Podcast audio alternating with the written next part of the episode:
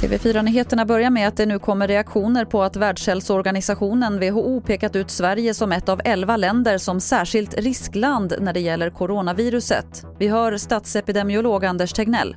Att på något sätt hävda att Sverige har en, en risk för att få en, en jättestor ny epidemi och att vi skulle ha en sjukvård som är på väg mot kollaps, vilket man verkar antyda. Eh, det stämmer ju inte alls med verkligheten. Tegnell sa också att anledningen till att vi har ett ökat antal fall beror på att vi testar fler. Och mer om det här finns på tv4play.se. Göteborgs spårvagnar hotas återigen av skyddsstopp efter att ledningen vill krympa ner de avspärrningar som finns längst fram i vagnarna för att skydda förarna från corona. Det skriver GP. Ledningen vill istället ge mer plats åt resenärerna något som fått facket Kommunals skyddsombud att reagera kraftigt. Till sist kan vi berätta att Astrid Lindgrens värld i Vimmerby tvingas stänga för säsongen.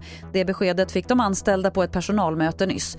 Temaparken har försökt coronaanpassa men enligt Polismyndigheten bryter de mot förbudet mot folksamlingar på mer än 50 personer. Det var det senaste från TV4 Nyheterna. Jag heter Lotta Wall.